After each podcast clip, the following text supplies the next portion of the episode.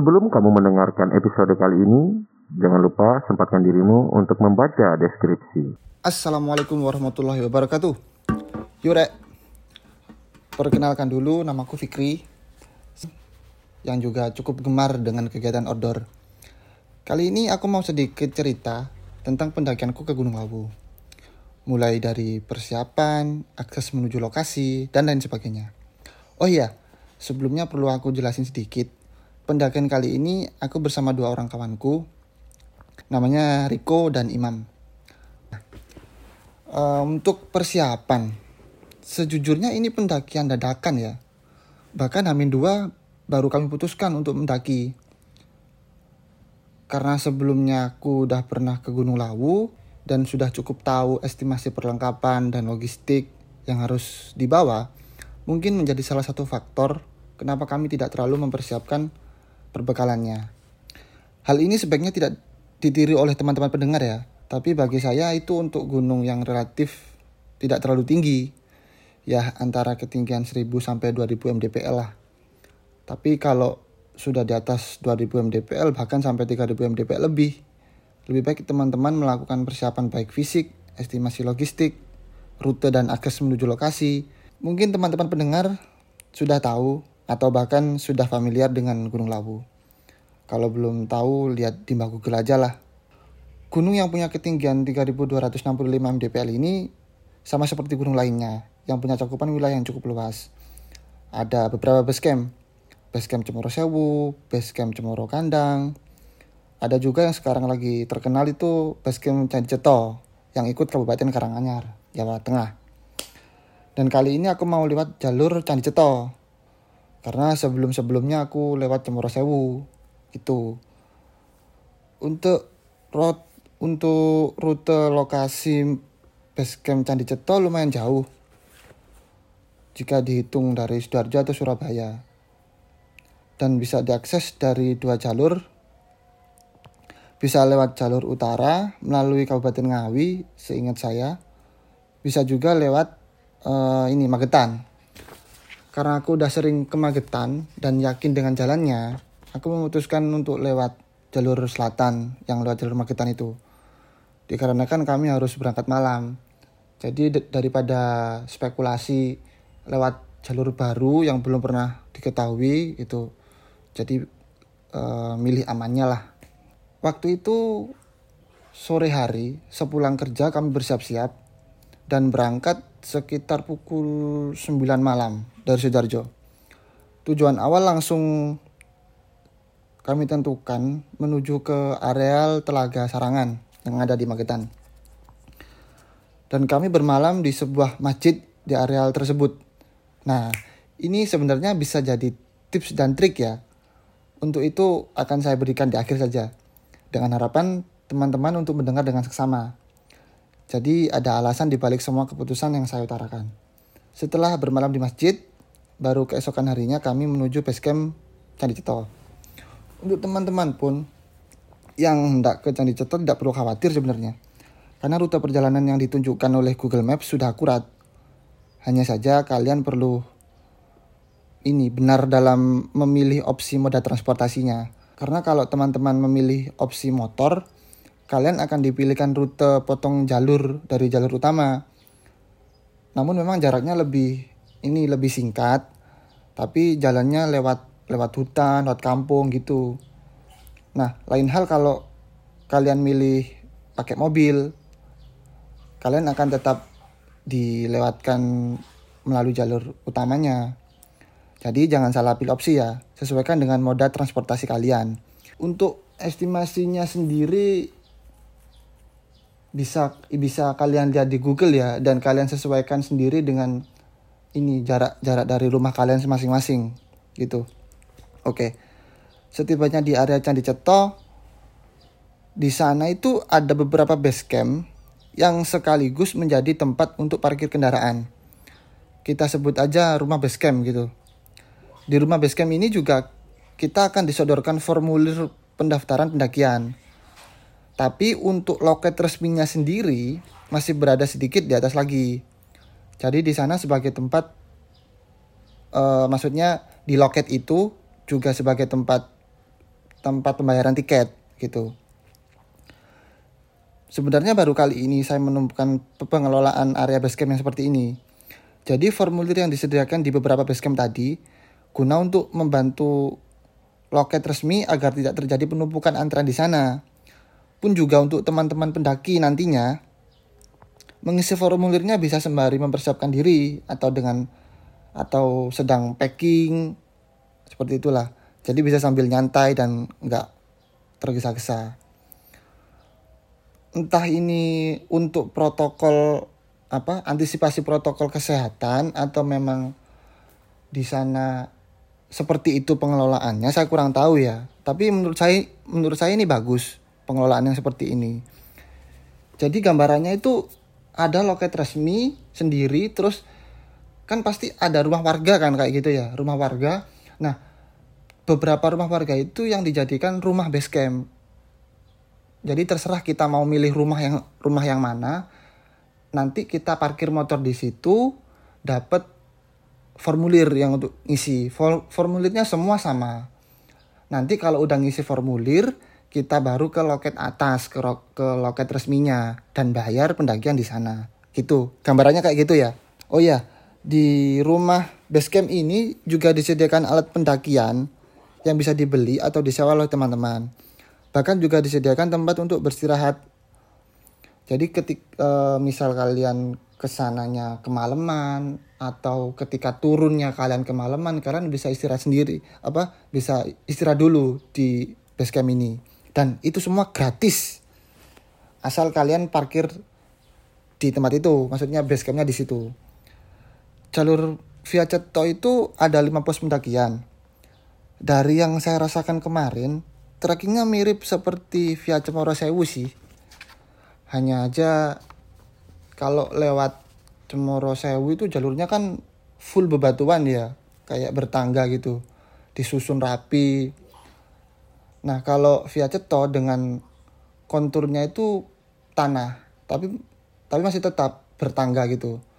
Bahkan bahkan untuk ininya apa uh, rute trekkingnya menurut saya kurang lebih sama. Hanya aja durasinya yang berbeda. Jadi semisal nih dari loket pendaftaran sampai pos 1 dan pos 2 itu jalannya cukup nyaman. Mungkin adalah uh, beberapa tanjakan gitu aja tapi masih masih enak masih cukup enak lah dari pos 2 sampai pos 3 itu treknya mulai mendaki nah sama di di apa Cemoro Sewu juga kayak gitu dari pos 1 sampai 2 itu lempeng, enak, tanjakan dikit-dikit. Pos 2 ke pos 3 mulai nanjak, nah gitu. Nah, di Via Ceto juga gitu. Terus uh, dari pos 2 ke pos 3 itu baru nanjak kan ya. Nah, tapi yang uniknya di Ceto ini dari pos 1 sampai pos 3 itu ada beberapa mata air dan pipa-pipa air itu memang untuk mengairi warga sekitar. Tapi beberapa pipa-pipa tersebut ada yang berlubang, entah karena bocor atau memang sengaja sengaja dilubangi. Tapi sebenarnya dengan hal itu, ketika ada pendaki yang butuh air darurat, mereka bisa mengambil air dari lubang itu sih. Untuk di pos 3 sendiri ada pancuran air. Airnya bersih dan segar dan saya rasa cukup untuk banyak orang ya di sana. Kita pun bisa istirahat di pos 3 sambil ngisi ulang persediaan air, sambil istirahat gitu. Karena kenapa kita perlu di perlu istirahat di pos 3 sebenarnya mulai dari pos 3 ke pos 4 itu trek yang paling nanjak, paling berat itu. Sama kayak di Cemoro Sewu juga kayak gitu. Tiga ke empat itu wah nanjak banget. Tanjakannya mantap dah. Jadi kita harus mempersiapkan fisik dan mental ketika beristirahat di pos tiga gitu. Oh iya uh, kita juga bisa kok ngecamp di pos tiga. Karena di sana juga ada spot-spot camp yang terbatas. Jadi uh, kita bisa ngecamp di sana kalau kita berangkatnya kesorean atau kemalaman atau bahkan kita kecapean gitu. Cuman memang terbatas. Jadi kita harus ya istilahnya rebutan lah. Siapa yang duluan menempati gitu kalau kemarin waktu saya di sana itu beberapa bukan beberapa sih banyak juga. Itu jadi opsi untuk teman-teman pendaki yang yang mau muncak tapi nggak nggak mau bawa carrier nggak mau bawa barang bawaan. Jadi mereka ngecamp di pos 3 baru summit attack-nya biar enteng. Karena di pos 3 ke pos 4 itu memang nanjak banget. Jadi untuk me meminimalisir resiko dan mungkin keamanan juga keamanan dan kenyamanan mereka juga sih. Bisa jadi opsi untuk teman-teman pendaki nantinya ketika pengen ke Lawu via Candi Ceto bisa ngecamp di pos 3 pos 3 ke pos 4 ya. Ke, uh, sampai pos 4 itu di sana arealnya cukup kecil kanan kiri jurang jadi tidak disarankan untuk ngecamp. Sebenarnya ada spot satu uh, dua dua dua spot lah bisa buat camp tapi nggak direkomendasikan sih sama petugas yang di sana. Dari pos 4 menuju ke pos 5 itu ada nanjaknya dikit juga ada bonusnya. Tapi karena jaraknya cukup dekat antara pos 4 dan pos 5 itu cukup dekat jadi nggak terlalu terasa lah. Sampai sesampainya di pos 5 itu namanya bulak peperangan. Kalian akan disuguhkan pemandangan savana yang cukup luas dan indah sih menurut saya. Namun itu bukan area untuk camp. Area campnya itu masih masih di pojokan savana. Jadi itu uh, anggaplah savana kota itu. Nah ya pojok di di pojokannya gitulah. Di salah satu pojokannya itu areal campnya dan itu memang di apa di jalur jalur pendakian. Jadi di kanan kiri jalur pendakian. Kita ngecamp di situ. Di sana spot camp favorit sih menurut menurut aku. Karena di sana banyak banget orang ngecamp waktu itu. Dan cukup luas. Ada beberapa spot camp itu yang luas. Satu spot camp bisa 20-an lah. 20-an tenda. Jadi kalau tiga spot camp ya anggaplah 60 tenda lah. Tenda yang kapasitas 4 orang gitu ya. Cukup. Kalau aku kemarin juga ngecamp di sana karena uh, ini apa spekulasi. Spekulasi karena nggak tahu karena belum pernah kan aku ke jalur yang Ceto itu jadi belum tahu jalurnya gimana. Dan waktu itu sudah malam kami juga udah lumayan capek. Jadi akhirnya kami ngecamp di pos 5 di bulak peperangan gitu Baru untuk esok subuhnya uh, kami summit attack ke puncak lawu. Untuk summit attacknya kemarin sih kami nggak terlalu bawa logistik yang banyak-banyak ya ketika summit attack. Karena karena saya tahu di sana ada warung dan mungkin eh, teman-teman pendengar juga sudah tahu warung yang viral itu si warung apa warung punyanya Mbok Yem itu ada di atas. Jadi kami tahu kalau di sana ada warung jadi nggak terlalu bawa logistik untuk sampai attacknya kemarin cuma bawa air satu satu liter itu terus sama roti lah untuk untuk snack snack di jalan. Itu dari pos 5 uh, eh, kita masih menuju pos namanya pos bulak uh, bukan pos kupak menjangan. Oh iya sebelumnya di dari pos 1 sampai pos 4 itu ada ada bangunan posnya ya. Jadi kalian bisa berteduh, bisa bisa masuk lah masuk masuk di dalam situ. Untuk pos 5-nya nggak ada. Jadi cuman plang gitu, pos bola peperangan namanya.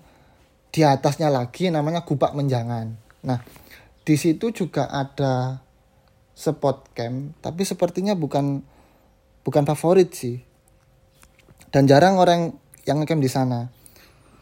Kalau menurutku itu karena di sana itu arealnya terbuka.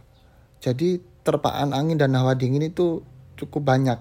Mungkin karena itu bukan jadi ground camp favorit. Di Gupak Menjangan itu kita disuguhkan padang savana yang luas banget. Lebih luas di Bulak Peperangan. Lebih luas dari Bulak Peperangan. Jadi di Gupak Menjangan itu lebih luas dan lebih indah itu. Serius itu indah banget. Bagus buat mengabadikan momen kayak foto atau video atau bikin konten lah kita sekarang nyebutnya. Setelah kita melewati padang savana itu kita sampai ke Pasar Dieng atau juga sering disebut Pasar Bubra atau Pasar Setan, Gunung Lawu. Ketika kita memasuki area Pasar Dieng, kita dianjurkan mengucapkan salam. Entah salam menurut agama kita masing-masing atau salam bahasa kita, yang penting kita salam dengan baik lah, menurut saya. Dan himbauan dari petugas yang ada di basecamp. Karena konon di Pasar Dieng ini adalah tempat berkumpulnya makhluk makhluk gaib lah bisa dibilang ya yang ada di Gunung Lawu. Saking ramainya, keramaian para makhluk-makhluk tak kasat mata itu ramai bak di tengah pasar, makanya dinamakan Pasar Dieng. Konon kalau lewat Pasar Dieng dan mendengar suara riuh seperti di tengah pasar atau ada suara yang memanggil, itu sebaiknya kita menaruh sesuatu barang atau uang dari yang kita punya itu kita taruh di tanah. Menurut kepercayaan setempat, hal itu sebagaimana alat tukar transaksi seperti halnya ketika kita dalam pasar. Jadi kayak barter dengan barang atau layaknya kita jual beli gitu. Ada juga yang mengatakan untuk memetik dedaunan yang ada di sekitar situ sebagai ganti alat tukar. Konon sih jika kita tidak melakukan itu kita bisa mendapat uh, kesialan hal buruk lah. Atau bahkan mungkin dibawa ke alam para makhluk gaib tersebut. Entah ya apa pun itu mari kita hargai kearifan budaya dan kepercayaan masyarakat setempat selama niat kita baik dan tulus insya Allah Tuhan akan senantiasa melindungi kita setelah lewat area pasar Dieng kita langsung tiba di area namanya Hargo Dalem. Di sana ada bangunan seperti pendopo yang menurut penuturan warga setempat itu adalah tempat petilasannya mm, Prabu Brawijaya V. Kalau nggak salah ya, tolong dikoreksi kalau salah. Di area ini juga terdapat beberapa warung yang saya sebutkan tadi. Warungnya ada banyak sekarang. Kalau dulu masih sedikit, sekarang ada banyak. Nah, salah satunya si warung warungnya Mbak Yem teman-teman bisa istirahat sejenak sekedar minum teh atau kopi atau bahkan sarapan juga bisa kalau mau tidur tiduran juga bisa di sana juga disediakan tempat tidur terus oh ya untuk area harga dalam ini atau warung-warung ini itu titik temu dari jalur dari tiga jalur pendakian via Cemoro Sewu via Cemoro Kandang sama via Ceto itu ketemunya di situ namanya di Hargo Dumilah tadi ya atau atau warung-warung lah gampangnya. Nah, untuk jalur pun kema, apa menuju puncaknya juga di sekitaran situ sebenarnya sih, deket deket warungnya Mbok Yem. Kalau untuk estimasinya dari warung ke puncak itu sekitar 30 menit dengan kondisi dengan kondisi jalan yang bebatuan, tanah dan bebatuan jadi teman-teman harus senantiasa waspada ya. Jangan sampai hilang konsentrasi. Untuk di puncak Gunung Lawu itu ada sebuah tugu monumen yang cukup megah. Itu nggak tahu ya dibuat tahun kapan saya kurang paham. Kemarin waktu saya di sana juga nggak terlalu lama karena kondisi puncaknya itu kemarin berkabut Jadi saya nggak nggak nggak ada alasan berlama-lama di sana. Setelahnya kami langsung kembali ke tenda karena kami memutuskan untuk langsung turun kembali ke basecamp Candi Ceto pada hari itu juga. Setelah itu kami langsung siap-siap dan mengemasi barang bawaan kami. Oh iya, kalau kita turun gunung, jangan lupa sampahnya dibawa turun ya.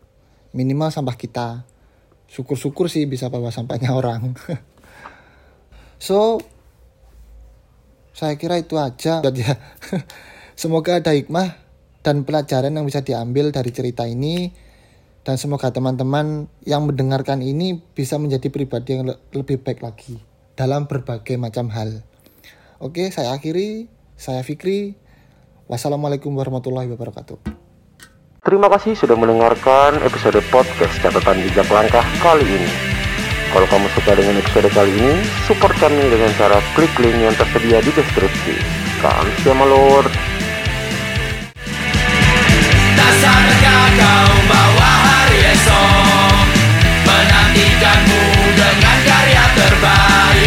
untuk mulutmu Kendalikan pikiranmu Yakinlah